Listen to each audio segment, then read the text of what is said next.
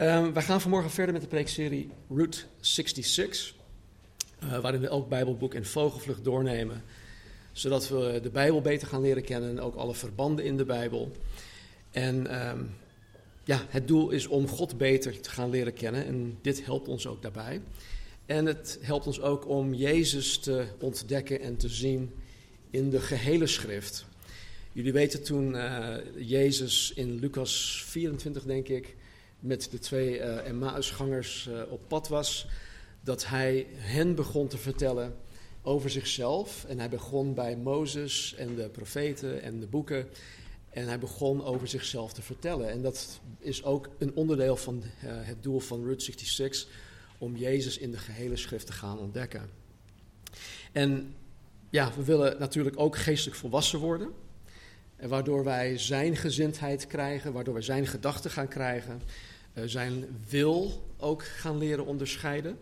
Zodat we elke dag opnieuw weten hoe wij ons leven horen in te vullen. Niet dat we alleen maar ons eigen ding doen. En een ander doel dat ik hiermee voor ogen heb, is dat ik door uh, deze overzichten, want het is eigenlijk gewoon een heel kort overzicht, um, dat ik met zo'n overzicht of met deze overzichten jullie een raamwerk geef. Um, dat jullie als een soort naslagwerk kunnen gebruiken. Wanneer jullie zelf de Bijbelboeken gaan lezen, wanneer jullie zelf de Bijbelboeken gaan bestuderen. En vandaar dat ik ook tijd besteed aan uh, achtergrondinformatie, data en, en cijfers en dat soort dingen. Want dat helpt je om dingen beter te gaan begrijpen. En ik hoop jullie hiermee ook aan te wakkeren om de Bijbelboeken dan ook zelf te gaan lezen. Nou, vandaag gaan wij het Bijbelboek Ezekiel verkennen, althans deel 1 van 2. En mijn hoop en mijn gebed, sorry, is dat jullie hierdoor ook gaan inzien hoe groot onze God daadwerkelijk is. En daarmee bedoel ik niet groot in omvang, maar gewoon dat Hij de allergrootste en de allersterkste en machtigste is. En waardoor je eigenlijk niets anders kan en wil doen dan Hem, koste wat kost, uh, dienen en Hem beter leren kennen. Dus um, laten we traditiegetrouw uh, de Bijbelboeken nu met elkaar op gaan noemen. We zijn nu op uh, de 26e, dus er wordt steeds iets moeilijker. Uh, ik denk dat we, nou hierna komt Daniel, dat is de laatste grote profeet. Ik denk dat wanneer we met de laatste twaalf kleine profeten, dan wordt het echt een beetje uitdagend. Maar uh, laten we beginnen met Genesis, Exodus, Leviticus, Numeri, Deuteronomium, Rut, 1 Samuel, 2 Samuel, 1 Koningen, 2 Koningen, 1 Kronieken, 2 Kronieken, Ezra, Nehemia, Job, Psalmen, Spreuken, Prediker, Hooglied, Jesaja, Jeremia, Klaagliederen. Is heel goed. We're gonna get it. Oké. Okay. Ezekiel, het Bijbelboek, dat is door Ezekiel zelf geschreven. Uh, het behoort tot wat wij de grote profeten noemen. En nogmaals, grote profeten in tegenstelling tot kleine profeten. Het heeft niks met uh, de, het belang van de boeken te maken. Heeft puur met de omvang van de boeken te maken. Uh, de grote profeten zijn nou na eenmaal langer. Ezekiel is een, een tijdsgenoot van twee andere profeten, namelijk Jeremia en Daniel. En um, Daniel is eigenlijk de enige profeet die, in, ja, die, in zijn, die zijn ambt uitoefende als profeet. Toen zowel Babel als Perzië um, de grote wereldmachten waren.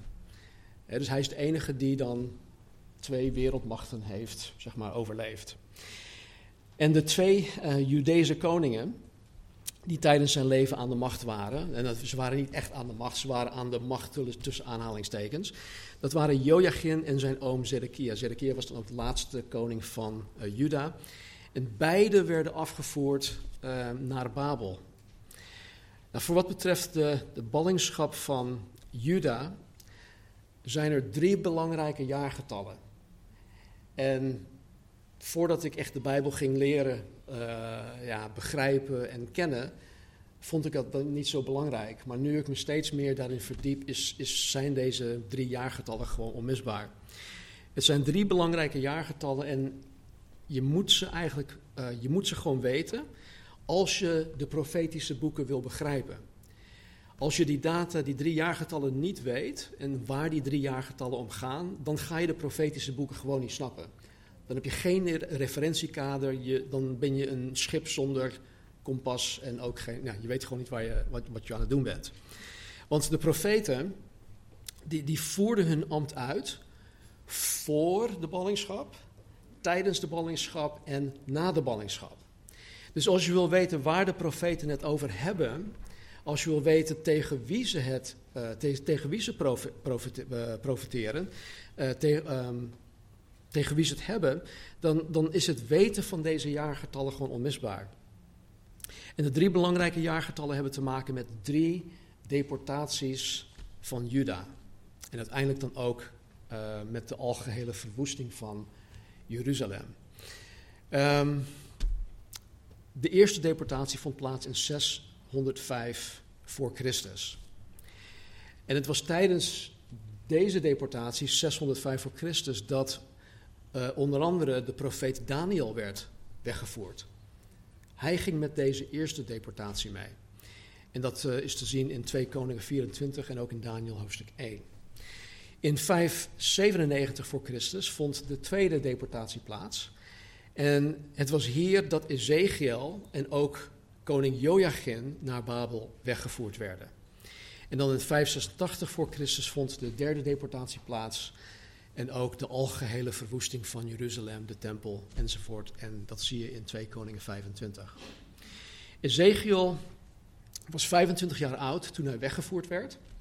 Hij was 17 jaar oud toen Daniel weggevoerd werd.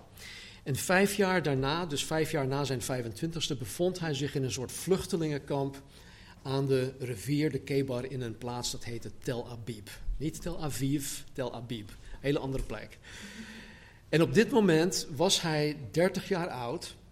En omdat hij zijn leven lang opgeleid was als priester, zou hij op zijn dertigste het ambt van priester in de tempeldienst gaan vervullen.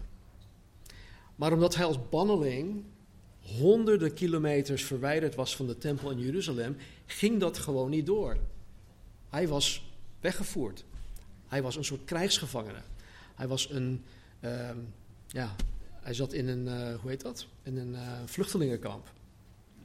En dit was iets, hè, het, het, het priesterlijk ambt was iets waar hij zijn leven lang op had zitten wachten. En ik kan me voorstellen dat dit een gigantische teleurstelling voor hem uh, zou moeten zijn geweest.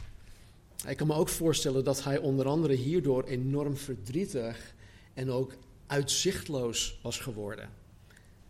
En want stel je voor, je bent opgeleid. Uh, stel dat je um, chirurg, uh, ja, je bent opgeleid als chirurg en dan word je ineens weggevoerd naar een vreemd land, waardoor je je je, je beroep niet kan uitoefenen. En dat gebeurt tegen, trouwens nu ook. Mensen van andere landen die worden dan weggevoerd of die moeten vluchten. En die hebben allerlei papieren en dat soort dingen. En die, kunnen dat dan niet doen. Dus ik kan me voorstellen dat dit een hele grote teleurstelling voor hem zou moeten zijn geweest. En weet je, als ik denk aan teleurstellingen, misschien heb, heb jij de ene teleurstelling na de andere teleurstelling meegemaakt. Hè? Want het kan, want het leven zit vol teleurstellingen. Of misschien zit je zelf nu momenteel in een gigantische teleurstelling. Kijk, weet, weet dat Jezus Christus de enige is die jou een hoopvol en een, een, geweldig toekomstperspectief kan geven. Hij is de enige, niemand anders. Weet dat wanneer je jezelf ook geheel aan Hem overgeeft, zoals de Bijbel dat voorschrijft, Hij jou niet en nooit teleur zal stellen. Hij is daar niet toe in staat om mensen teleur te stellen. Hij kan dat gewoon niet. Dus zoek het bij hem. Nou, we gaan zo meteen zien wat voor moois God voor Ezekiel in petto heeft. Te midden van deze teleurstelling, te midden van zijn verdriet. Um, maar dat zullen we zo meteen gaan zien. Nou, van alle profetische boeken is Ezekiel het makkelijkst en het meest logisch te verdelen. Um, deel 1 bevat hoofdstukken 1 tot en met 32. En de inhoud van deze vindt, vindt plaats voor de val van Jeruzalem. Dus alles wat we in hoofdstuk 1 tot en met 32 lezen, vindt plaats voor de val van Jeruzalem, voor de verwoesting van de tempel en Jeruzalem. En in dit gedeelte zien wij onder andere Gods roeping van Ezekiel.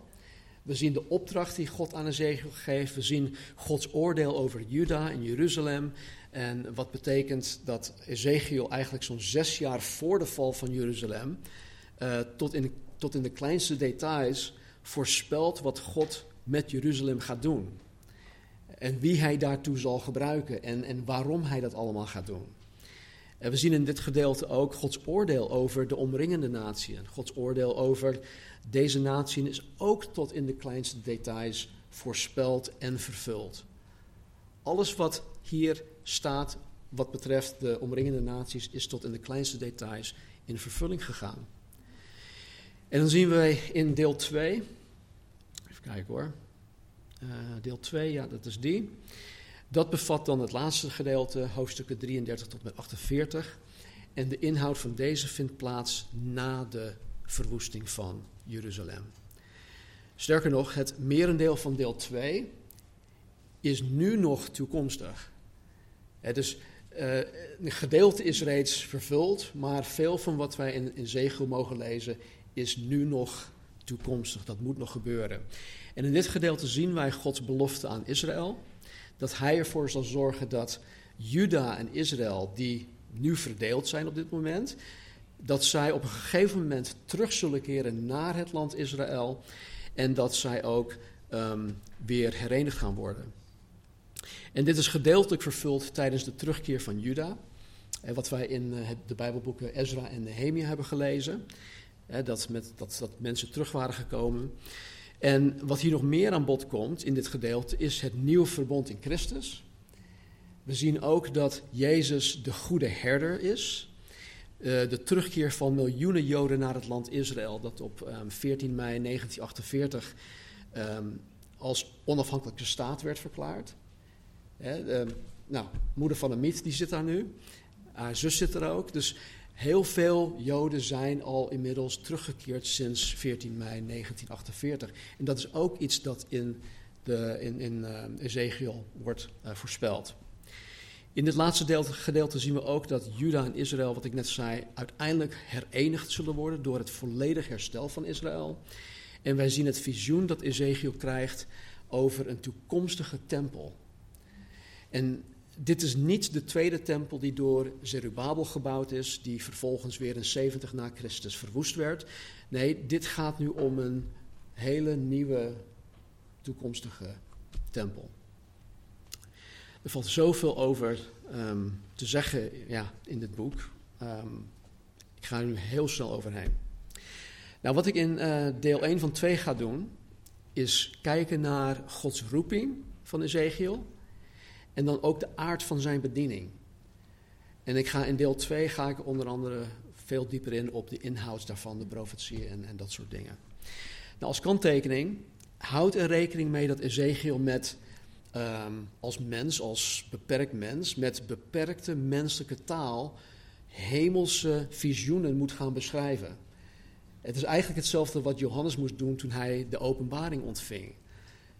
Hij ziet dingen en hij moet die dingen binnen zijn eigen referentiekaders moet hij dan beschrijven met, met beperkte woorden. En, en dat is gewoon heel lastig. En dat maakt het voor ons ook nog eens lastiger om het te, te lezen en te begrijpen. Maar we gaan een, uh, een poging doen. Ik had uh, van uh, zo net had ik tegen Casper gezegd, joh, hij vroeg aan mij, hoe was je week? Nou, ik heb de hele week gewoon heel veel zitten lezen. En um, um, ik lees sowieso heel veel, maar dit was gewoon echt dubbel van wat ik ja, normaal gesproken heb gelezen.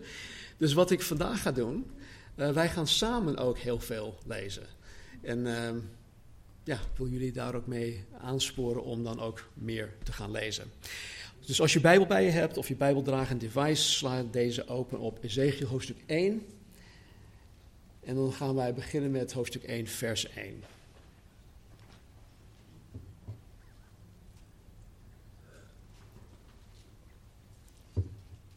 Ga vandaag niet, zoals ik eh, normaal gesproken doe, de slides of de teksten uh, projecteren. Want het zijn echt lappen van tekst, dus uh, je moet je eigen Bijbel daarvoor gebruiken. En ik ga ook niet heen en weer springen, dus Um, no worries. Ezekiel 1, hoofdstuk 1, vers 1. In het dertigste jaar, in de vierde maand, op de vijfde van de maand, toen ik te midden van de ballingen aan de rivier de Kebar was, gebeurde het dat de hemel geopend werd en ik visioenen van God kreeg te zien. Op de vijfde van de maand, het was het vijfde jaar van de ballingschap van koning Joachim, kwam het woord van de Heer uitdrukkelijk tot Ezekiel, de zoon van Buzi, de priester, in het land van de Galdeeën bij de rivier Kebar. En de hand van de Heere was daar op hem, tot zover. Kijk, omdat het dertigste jaar genoemd wordt zonder dat er aangegeven wordt wat het het dertigste jaar van is, er zijn de meeste theologen ervan overtuigd, zijn het er overeen, dat het hier om Ezekiels dertigste levensjaar gaat. Hij is dus 30 jaar oud op dit moment. En wat ik in dit stuk wil benadrukken is dat het woord van de Heere tot Ezekiel kwam. Het kwam uitdrukkelijk tot Ezekiel. En twee, dat de hand van de Heere op hem was. Ja, dus het woord kwam tot hem, de hand van de Heere was op hem. Hou die twee dingen vast. Vers 4.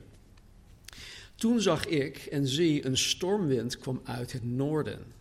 Een grote wolk, flitsend vuur en een lichtglans eromheen. En uit het midden ervan kwam iets als de schittering van edelmetaal. Uit het midden van het vuur. Uit het midden daarvan kwam een gedaante van vier levende wezens. Dit was hun uiterlijk. Ze hadden de gedaante van een mens. Ieder afzonderlijk had vier gezichten en ieder afzonderlijk had hen, van hen had vier vleugels. Hun voeten waren rechte voeten en hun voetzolen waren als van voetzolen van een kalf, glinsterend als de schittering van gepolijst koper. Aan hun vier zijden onder hun vleugels waren mensenhanden. Wat betreft hun gezichten en hun vleugels gold van alle vier. Hun vleugels raakten elkaar. Ze draaiden zich niet om wanneer zij gingen. Ze gingen ieder recht voor zich uit. Hun gezicht leek op het gezicht van een mens. Bij alle vier van rechts op de kop van een leeuw. Bij alle vier van links op de kop van een rund. Op alle vier hadden zij de kop van een arend. Hun gezichten en hun vleugels waren naar boven uitgestrekt. Ieder had twee vleugels die elkaar raakten. En ieder had twee vleugels die hun lichaam bedekten. Ze gingen ieder recht voor zich uit. Waar de geest heen wilde gaan, daarheen gingen zij. Zij draaiden zich niet om wanneer zij gingen. Want wat de gedaante van de levende wezens betreft, hun uiterlijk was als brandende kolen in het vuur, als het uiterlijk van fakkels. Dat vuur ging heen en weer tussen de levende wezens. Het vuur had lichtglans en uit het vuur schoot een bliksem. En de levende wezens schoten heen en weer als bliksemschicht. Toen ik die levende wezens zag, zie er was een wiel op de grond naast die levende wezens, bij alle vier aan de voorkant ervan. Het uiterlijk van de wielen en hoe zij gemaakt waren was als de schittering van een turkoois. Alle vier hadden dezelfde gedaante. Hun uiterlijk en hun bouw waren zo, alsof er een wiel midden in een ander wiel zat. Wanneer ze gingen, konden zij naar vier zijden gaan. Zij draaiden zich niet om wanneer ze gingen. Wat hun velgen betreft, die waren hoog en die waren vreeswekkend. Verder zaten hun velgen rondom vol ogen, bij alle vier. Wanneer de levende wezens gingen, gingen de wielen naast hen mee. En wanneer de levende wezens werden opgeheven van de aarde, werden ook de wielen opgeheven. Waar de geest heen wilde gaan, daarheen gingen zij. Ze gingen waar de geest heen wilde gaan. De wielen werden tegelijk met hen opgeheven, want de geest van de levende wezens was in die wielen. Wanneer zij gingen, gingen die ook. Wanneer zij stil stonden, stonden die ook stil. Wanneer ze van de aarde werden opgeheven, werden de wielen tegelijk met hen opgeheven, want de geest van de levende wezens was in die wielen. En boven de hoofden van de levende wezens was iets wat leek op een gewelf, als de schittering van ontzagwekkend ijskristal, van boven over hun hoofden uitgespannen. Onder het gewelf stonden hun vleugels, recht naar elkaar toe. Ieder had er twee die hun lichamen van voren bedekten, en ieder had er twee die hun lichamen van achteren bedekten. Ik hoorde toen zij gingen het geruis van hun vleugels. Het klonk als het bruisen van machtige wateren, als de stem van de Almachtige, als het geluid van een gedruis, als het geluid van een leger. Als zij stilstonden, lieten zij hun vleugels hangen. Toen kwam er een stem van boven het gewelf, dat boven hun hoofden was. Als ze stilstonden, lieten zij hun vleugels hangen. En boven het gewelf dat boven hun hoofden was, was iets met het uiterlijk van een saffiersteen. Iets wat leek op een troon. En daarboven, op wat een troon leek, was iets wat leek op een mens. Toen zag ik iets als de schittering van edelmetaal rondom van binnen, als het uiterlijk van vuur. Vanaf datgene wat eruit zag als zijn heupen naar boven en vanaf datgene wat eruit zag als zijn heupen naar beneden, zag ik iets als het uiterlijk van vuur met een lichtglans eromheen. Zoals het uiterlijk van de regenboog die in de wolken verschijnt op de dag van de regen, zo was het uiterlijk van de lichtglans, lichtglans rondom. Het was de verschijning van de gedaante van de heerlijkheid van de Heere. Toen ik dat zag, wierp ik mij met mijn gezicht ter aarde en ik hoorde de stem van iemand die sprak tot zover. Wauw. Het visioen is, is zeer uitgebreid. Het is zeer gedetailleerd. En daar gaan we vandaag niet op in, op al die details. Waar dit uiteindelijk op neerkomt, is dat God door middel van dit prachtig, maar ook bizar visioen aan Ezekiel duidelijk wil maken dat hij, God, de Heere, dat hij Yahweh is. Dat hij gezeten is op zijn troon en dat hij Juda en Jeruzalem zal oordelen zoals hij dat voorzegd heeft. Daar komt het uiteindelijk op neer als je alles, alle details even wegpelt. Vergeet niet dat Juda tal van, van zogenaamde profeten verzameld heeft. En die profeten die alleen maar welvaart en, en voorspoed predikten. gebeurt vandaag de dag nog steeds. En Juda geloofde deze valse profeten tot op de dag van hun ondergang. Zij bleven maar geloven in wat deze valse profeten verkondigden. En het was dus van essentieel belang dat God zich op een, op een onomstotelijke wijze openbaarde aan Ezekiel. God moest echt tot Ezekiel doordringen van luister, het maakt niet uit wat al die andere profeten zeggen, ik ben de Heere en ik bepaal, niet al die andere gasten. Dus hij had die zekerheid en bemoediging keihard nodig. En, en, en God die, die laat hem iets zien waarvan hij alleen maar moet gedacht hebben. Dit is de heerlijkheid van de Heer. Dat ik met eigen ogen gezien heb. Nou, de stormwind dat uit het noorden kwam, dat staat voor, voor Babel, die, die via het noorden dus naar Jeruzalem toe gaat komen om haar te verwoesten en ook om het resterende volk van Juda in ballingschap te nemen. En God zei dit al meerdere malen ook in, in, in Jeremia, ik denk tot drie of vier keer toe zelfs. De vier uh, bizarre levende wezens, en met vier gezichten, met vier vleugels, uh, dat waren de, de gerubs, dat wordt uitgelegd in hoofdstuk 10. Uh, eh, ieder met zijn eigen wiel, met een wiel in het wiel, die droegen wat de heerlijkheid van de Heere zelf was. Zij droegen dat. En er staat dan in vers 26, en boven het gewelf dat boven hun hoofden was, was iets met het uiterlijk van een saffiersteen, iets wat leek op een troon. En daarboven, op wat op, de, op een troon leek, was iets wat leek op een mens. En dan in vers 28, het was de verschijning van de gedaante van de heerlijkheid van de Heere. Dit had zeer veel indruk op Ezekiel moeten hebben gemaakt. En want hij heeft als priester in opleiding geleerd dat de heerlijkheid, oftewel de, de Shekinah heerlijkheid, de, die glorie, die, dat gewichtige heerlijkheid van God en ook zijn aanwezigheid, dat dat alleen in het heilige der heiligen van de tempel verscheen op het verzoendeksel. Dat was de enige plek, dat is het enige wat hij wist. Daarvoor werd hij opgeleid.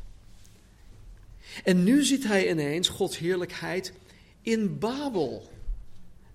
By the Rivers of Babylon. Kennen jullie dat liedje nog van de jaren 70? Bonnie M? Nee? Nee? Ja? Oké. Ik ga het niet zingen. Um, dit, dit, dit, moest gewoon een gigantische geruststelling en bemoediging voor Ezekiel geweest zijn. Om de Here in deze godverlaten plaats Babel aan te treffen. En wat we hier zien is dat Gods alomtegenwoordigheid hierin wordt benadrukt. En door het feit dat de vier levende wezens uh, met de troon bovenop hen ook, ook alle kanten op kon gaan zonder dat het hoefde te keren. Is een drone, die, drones die bewegen ook zo. Weet je, het hoeft niet te keren zoals een auto of iets dergelijks.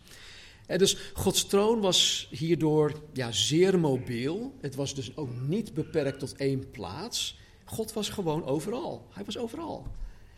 Dat wilde hij Jeremia ook, of sorry, Ezekiel ook duidelijk maken. En toen ik dat zag, vers 28, wierp ik mij met mijn gezicht ter aarde en ik hoorde de stem van iemand die sprak. En dan hoofdstuk 2, vers 1 tot en met 10. En hij, dus God, zei tegen mij: Mensenkind, ga op uw voeten staan en ik zal met u spreken. Terwijl hij tot mij sprak, kwam de geest in mij, hij deed mij op mijn voeten staan. En ik luisterde naar hem die tot mij sprak. Hij zei tegen mij: Mensenkind, ik zend u naar de Israëlieten, naar de opstandige volken die tegen mij in opstand zijn gekomen. Zij en hun vaderen hebben tot op dezezelfde dag tegen mij overtreden. En deze kinderen zijn schaamteloos en hardleers. Ik zend u naar hen toe. U moet tegen hen zeggen: Zo zegt de Heere, Heere. En zij of zij luisteren of dat nalaten, zij zijn immers een opstandig huis. Zij zullen weten dat er een profeet in hun midden geweest is. Maar u mensenkind, wees niet bevreesd voor hen, wees niet bevreesd voor hun woorden, hoewel er prikkels en dorens bij u zijn en u bij schorpioenen verblijft. Dat is geen goede beschrijving van de mensen waar hij uh, die hij in zijn kerk heeft. Um, Wees niet bevreesd voor hun woorden en wees niet ontsteld voor hun blik, want ze zijn een opstandig huis. Maar u moet mijn woorden tot hen spreken, of zij luisteren of dat nalaten, want ze zijn opstandig. Maar u, mensenkind, luister naar wat ik tot u spreek. Wees niet opstandig, zoals dit opstandige huis. Doe uw mond open en eet wat ik u geef. Toen zag ik en zie, er was een hand naar mij uitgestoken. En zie, daarin was een boekrol en hij spreidde die voor mijn gezicht uit. Hij was van voren en van achteren beschreven. Er waren klaagliederen, zuchten en weeklachten opgeschreven, tot zover. Toen God met Ezekiel, met sprak, kwam de Heilige Geest in Ezekiel, staat hier. En de Heilige Geest deed hem opstaan. Dit gaat dwars tegen de leer van vallen in de geest in laten we dat voor even, even duidelijk hebben. De Heilige Geest kwam in hem en de Geest deed hem opstaan. Het deed hem niet neervallen. En eenmaal vervuld met de Geest, kreeg Ezekiel de opdracht om namens God tot het opstandig, het schaamteloos en hardleers volk te spreken. Een volk dat totaal niet naar hem zou luisteren. Onder andere omdat zij betoverd waren door al die valse profeten die zij verzameld hadden. Maar voordat Ezekiel namens God mocht spreken, moest hij eerst een boekrol opeten. Gelukkig was het een visioen, want het lijkt me niet lekker om een, uh, een papieren boekrol op te eten. En dan staat er in Ezekiel hoofdstuk 3, vers 1 tot met 3 dit. Daarna zei hij, dus God tegen mij, mensenkind, eet wat u aantreft. Eet deze rol op, ga, spreek tot het huis van Israël. Toen deed ik mijn mond open en hij gaf mij die rol te eten. Hij zei tegen mij: Mensenkind, geef uw buik te eten, vul uw binnensten met deze rol die ik u geef. Toen at ik en hij werd in mijn mond als honing zo zoet. Tot zover. Kijk, de, de boekrol is simpel. Hè? Dat, het vertegenwoordigt het woord van God. En Ezekiel moest het woord van God eerst eerst tot zich nemen. Hij moest het zich eigen maken voordat hij namens God kon spreken. En toen hij de boekrol at, werd het in zijn mond, staat er, zo zoet als honing. En dit geldt ook voor, voor, voor ons, voor, voor jou en voor mij. Voordat wij die, eh, wij die Jezus navolgen, eh, voordat wij namens God kunnen spreken, moeten wij het woord van God eerst tot ons nemen. En het moet, wij moeten het ons eigen maken. Wij moeten sterk en moedig zijn, wat wij vorige week geleerd hebben als Jozua. En dat betekent niet dat je eerst een theologische opleiding moet gaan volgen of dat je eerst allerlei studies moet gaan doen om überhaupt iets met iemand anders te delen. Want ik weet zeker dat wat jij ook weet, hoe klein het ook is, veel meer is dan degene die er helemaal niets van weet. En waar ik altijd aan moet denken is die man die, ehm, die in het hoofdstuk van, eh, in het evangelie van Johannes, ik ben het hoofdstuk even kwijt, die uh, genezen werd. Hij was van, uh, van zijn geboorte af aan, was die, was die volgens mij was die blind of kreupel, een van die twee. Ik ben het even kwijt. Maar wat gebeurde er? Jezus genas hem op de Sabbat. En nee, hij was blind, sorry. Hij, Jezus genas zijn blindheid op de Sabbat. En natuurlijk, de schriftgeleerden, de fariseeën, de sadduceeën, die waren daar allemaal boos om, over, want hij deed wat niet volgens de wet toegestaan was. En die man, die was zo blij, die ging terug naar de, tempel, naar de tempel toe en hij begon te, te juichen en te springen en hij was helemaal blij. En wat gebeurde er? De, de, de, de, de fariseeën, de schriftgeleerden, die, die vroegen hem, hey, uh, wat is er met jou gebeurd? En, en wie heeft dit voor jou gedaan? En ze begonnen vragen te stellen over wie hem had genezen. En wat gebeurde er? Hij, hij dacht van, hé, hey, oh, willen jullie hem ook leren kennen? Willen jullie hem ook navolgen? Ja, wie is dat dan? Nou, ik, wie het was, weet ik niet. Het enige wat ik weet is, ik was blind en nu kan ik zien. Wat een getuigenis is dat. Ik was blind en nu kan ik zien en het was Jezus die het heeft gedaan. Hij wist maar zo'n klein beetje, maar zijn getuigenis was zo gigantisch groot. Dus onderschat je eigen Bijbelkennis of het gebrek daaraan niet. Want met wat je ook hebt, wat je kent, daar kan je heel veel, daar kan God veel mee doen. Dat wil niet zeggen dat je nu achterover moet leunen en zeggen van oké, ik heb genoeg Bijbelkennis, want Stan heeft het gezegd. Dus uh, nee.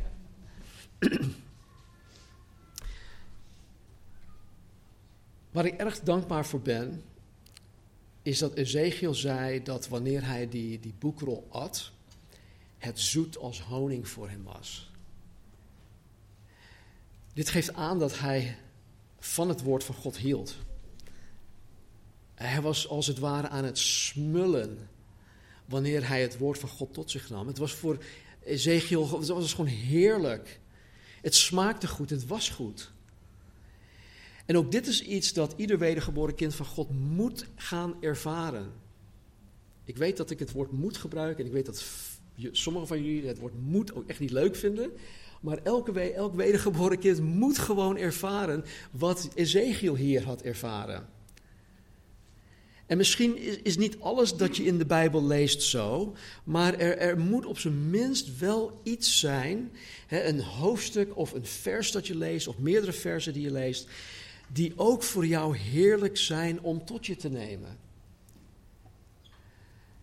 Um, Marnie en ik hebben onlangs de Korinthebrieven gelezen. 1 en 2 Korinthe. Uh, we gaan nu beginnen aan het, het Ezekiel uh, vers voor vers door, doornemen.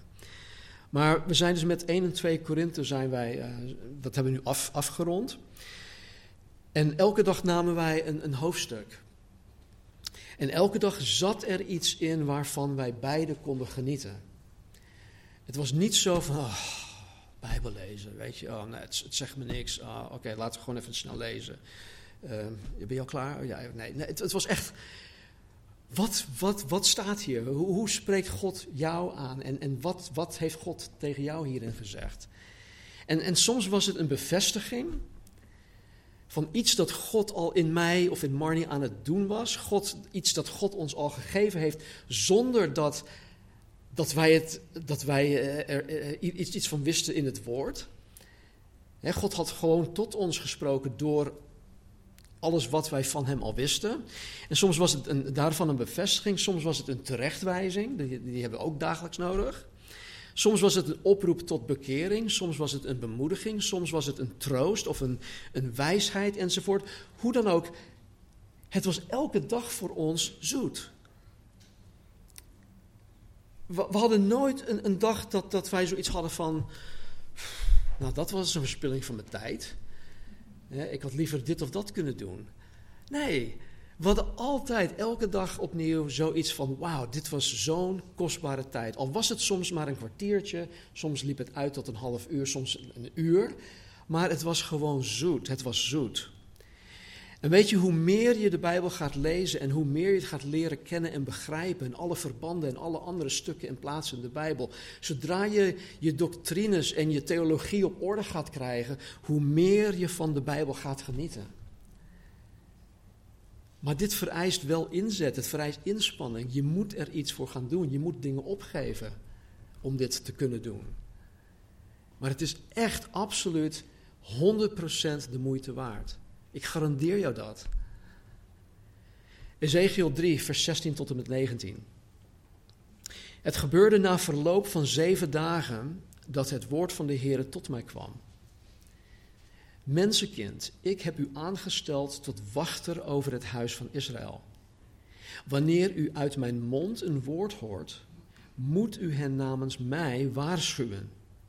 Als ik tegen de goddeloze zeg, u zult zeker sterven, en u hebt hem niet gewaarschuwd, en u hebt niet gesproken om de goddeloze voor zijn goddeloze weg te waarschuwen, om hem in het leven te behouden, die goddeloze zal in zijn ongerechtigheid sterven, maar ik, God, zal zijn bloed van uw hand eisen.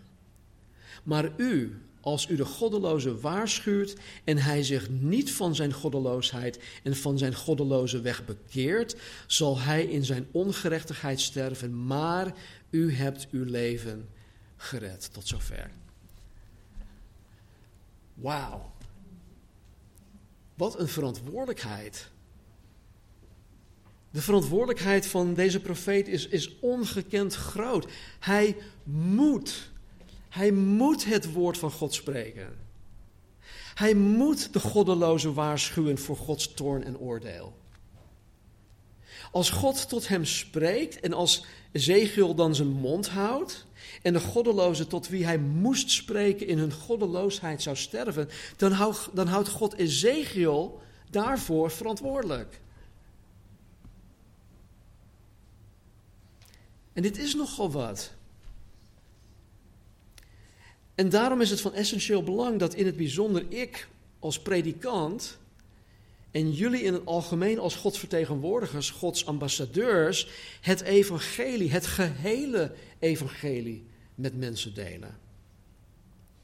En hiermee bedoel ik niet dat je wanneer je, in een dat wanneer, wanneer, wanneer je een gesprek met iemand hebt, dat je in dat ene gesprek het hele evangelie erin moet gaan stampen.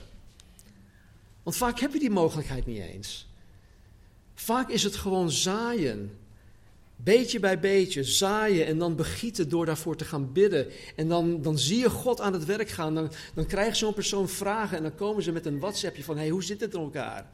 En dan mag je daar antwoord op geven. Dus het, het, het delen van het evangelie is vaak een heel lang proces.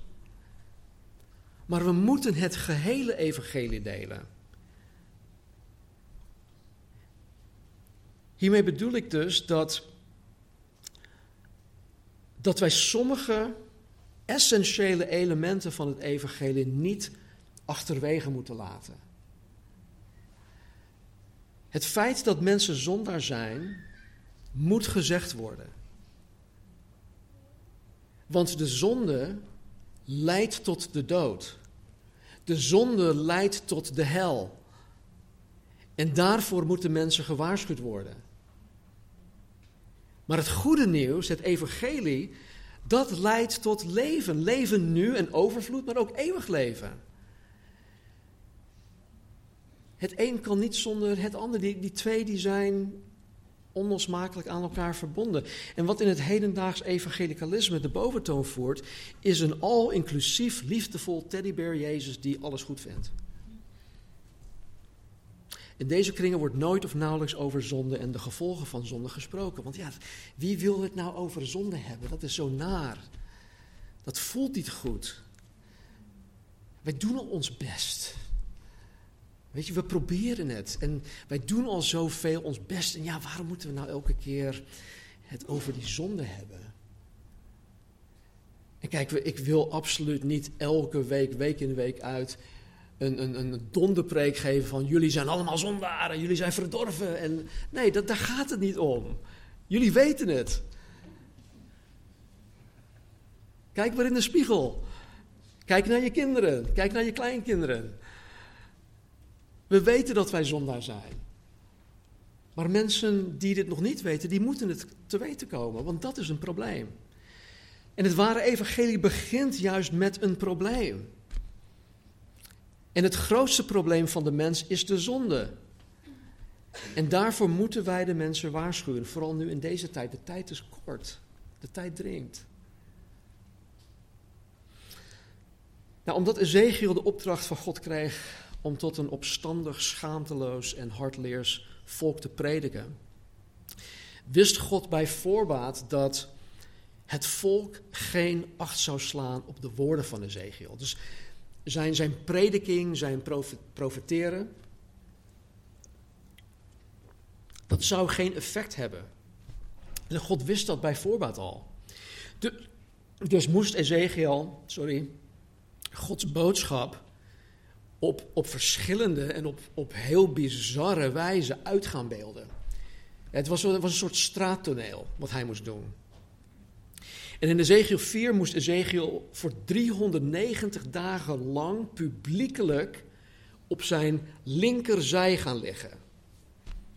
390 dagen lang. We weten niet of hij daar om 399 dagen lang lag. Misschien was het gewoon dat hij elke dag voor een poosje uh, eh, 390 dagen op zijn zij lag. Maar hij moest op zijn linkerzij liggen voor elk jaar van Israëls ongerechtigheid.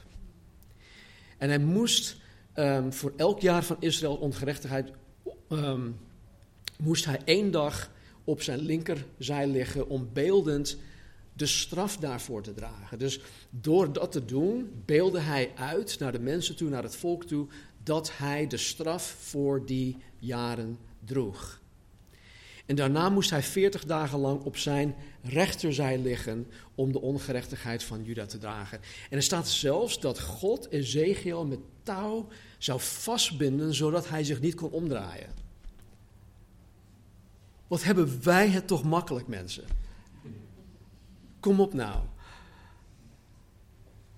Hij moest van God gerstekoek eten en hij moest het op straat gaan bakken zodat iedereen het kon zien. En sterker nog, hij moest menselijke ontlasting gebruiken als brandstof. Plat gezegd moest hij gerskoeken bakken boven een vuurtje dat gemaakt werd van menselijke poep. Uiteindelijk kwam God hem daarin tegemoet. Want hij begon echt te, te, klagen en te jammeren van, nee, dit wil ik echt niet. Ik heb nooit iets onreins uh, gegeten. Nee, nee, nee, dat wil ik echt niet. Dus mocht hij koeienpoep gebruiken.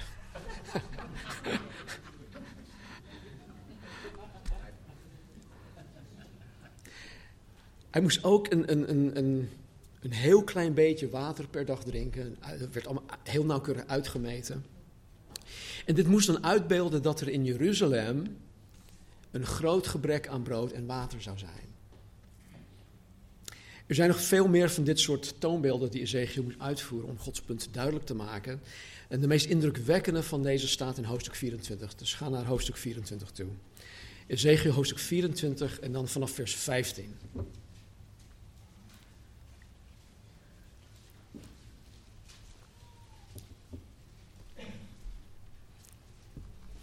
Ezekiel 24, vers 15.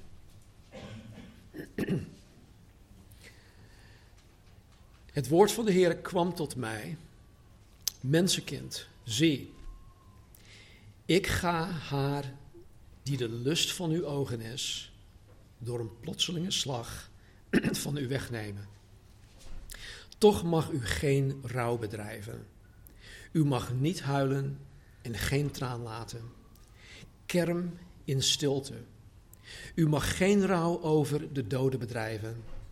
Bind uw tulband om en doe uw schoenen aan uw voeten. U mag uw baard en snor niet bedekken. En van het brood dat mensen u brengen mag u niet eten. S'morgens sprak ik tot het volk en s'avonds stierf mijn vrouw. De volgende morgen deed ik zoals mij geboden was. Toen zei het volk tegen mij, en hier komt uiteindelijk die nieuwsgierigheid. Wilt u ons niet vertellen wat deze dingen voor ons betekenen nu u dit doet? Toen zei ik tegen hen: Het woord van de Heere is tot mij gekomen. Zeg tegen het huis van Israël: Zo zegt de Heere, Heere, zie, ik ga mijn heiligdom ontheiligen. Uw sterke rots, de lust van uw ogen en het dierbaarste voor uw ziel. Uw zonen en uw dochters die u achtergelaten hebt, zullen door het zwaard vallen. Dan zult u doen zoals ik heb gedaan. U zult uw baard en snor niet bedekken, en van het brood dat de mensen u brengen zult u niet eten. Uw tulbanden zullen om uw hoofd zijn en uw schoenen aan uw voeten. U zult geen rouw bedrijven en niet huilen. U zult in uw ongerechtigheden wegkwijnen en elkaar uw nood klagen. Zo zal Ezekiel voor u een wonderteken zijn. Geheel zoals hij gedaan heeft, zult u doen. Wanneer het komt, zult u weten dat ik de Heere, Heere ben. Tot zover.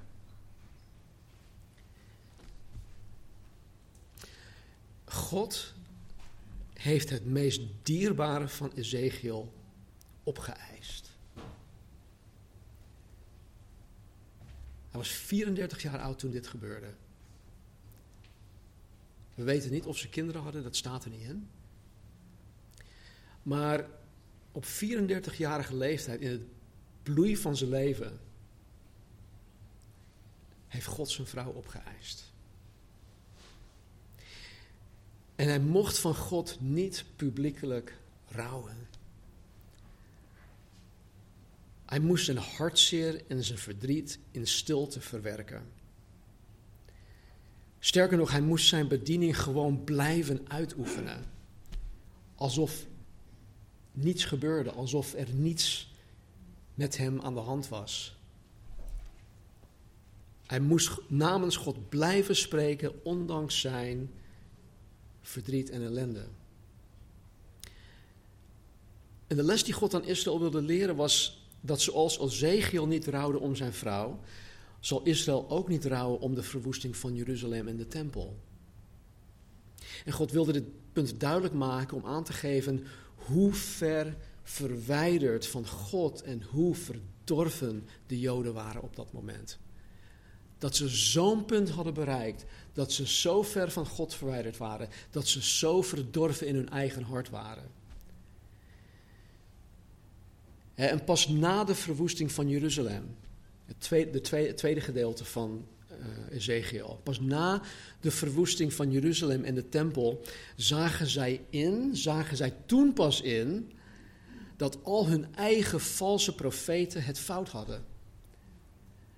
Al die, die leraren die ze om zichzelf hebben verzameld om hun oren te kietelen. Allah 2 Timotheus hoofdstuk 4.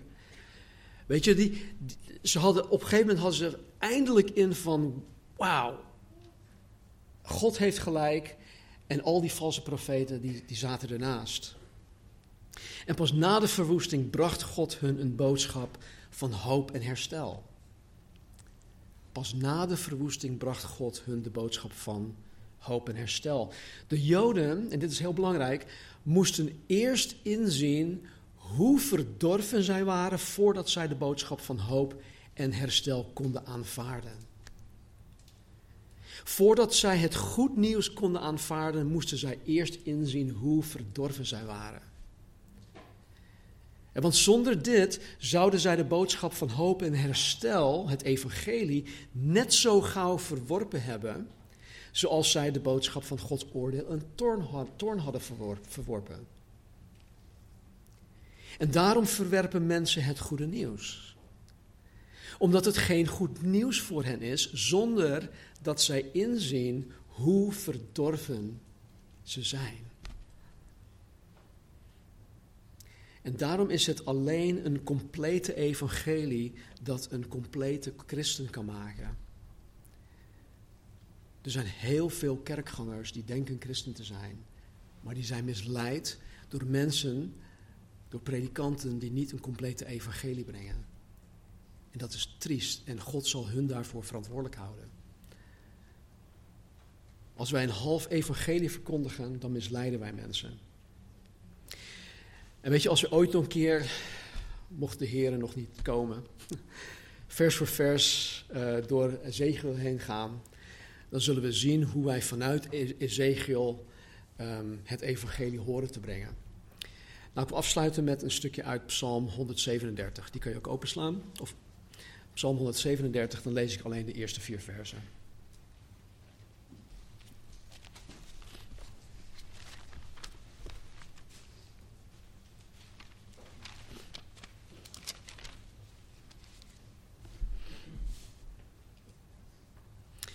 In mijn Bijbel, de herziene statenvertaling, staat, uh, staat er een kopje klacht van de Joden in Babel.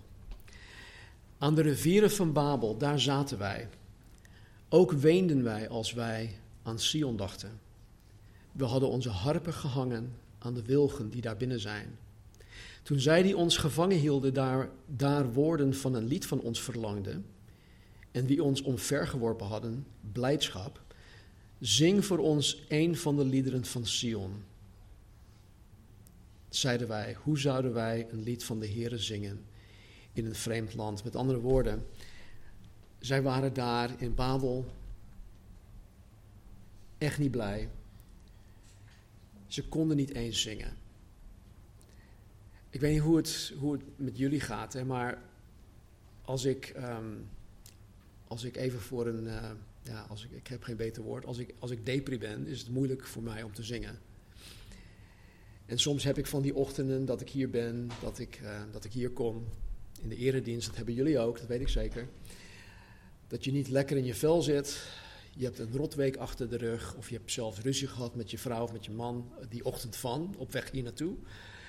En dan, dan eh, of je kinderen doen gewoon naar. En, en dan heb je zoiets van, nou, ik heb helemaal geen zin om te zingen.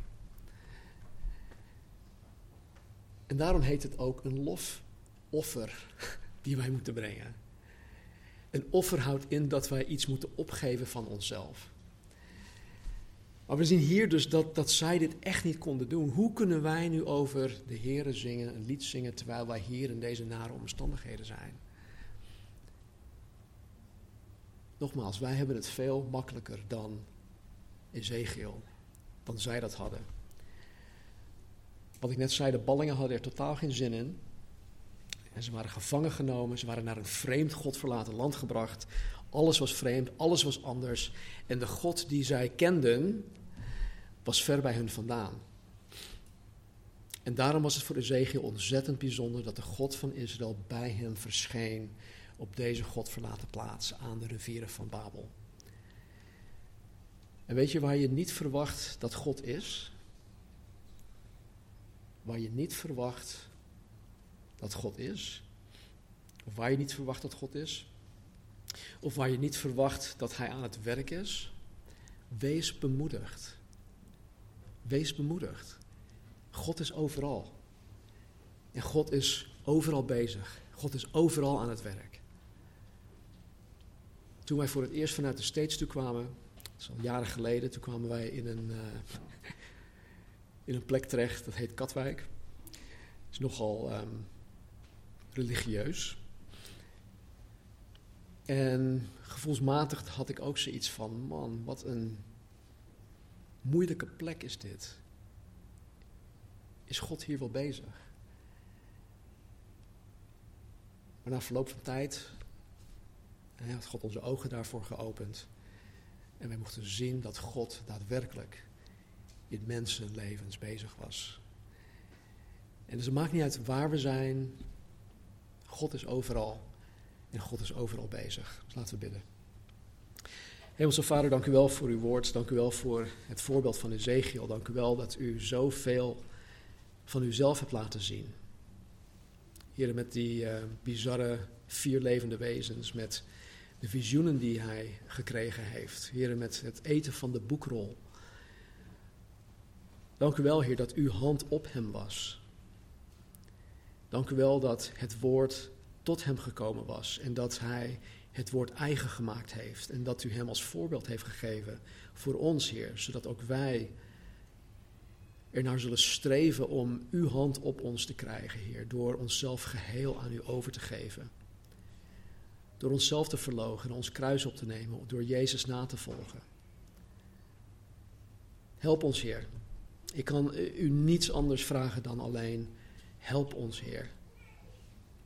Help ons om te doen wat u van ons vraagt. Om te doen wat u van ons eist. U bent God en wij zijn het niet. En u hebt er alle recht op om van uw kinderen, uw wedergeboren kinderen, uw verbondskinderen van het nieuw verbond, om dingen van ons te eisen. En Heer, help ons om onszelf aan u te schikken. Als Heer en Meester van ons leven. In Jezus' naam. Amen.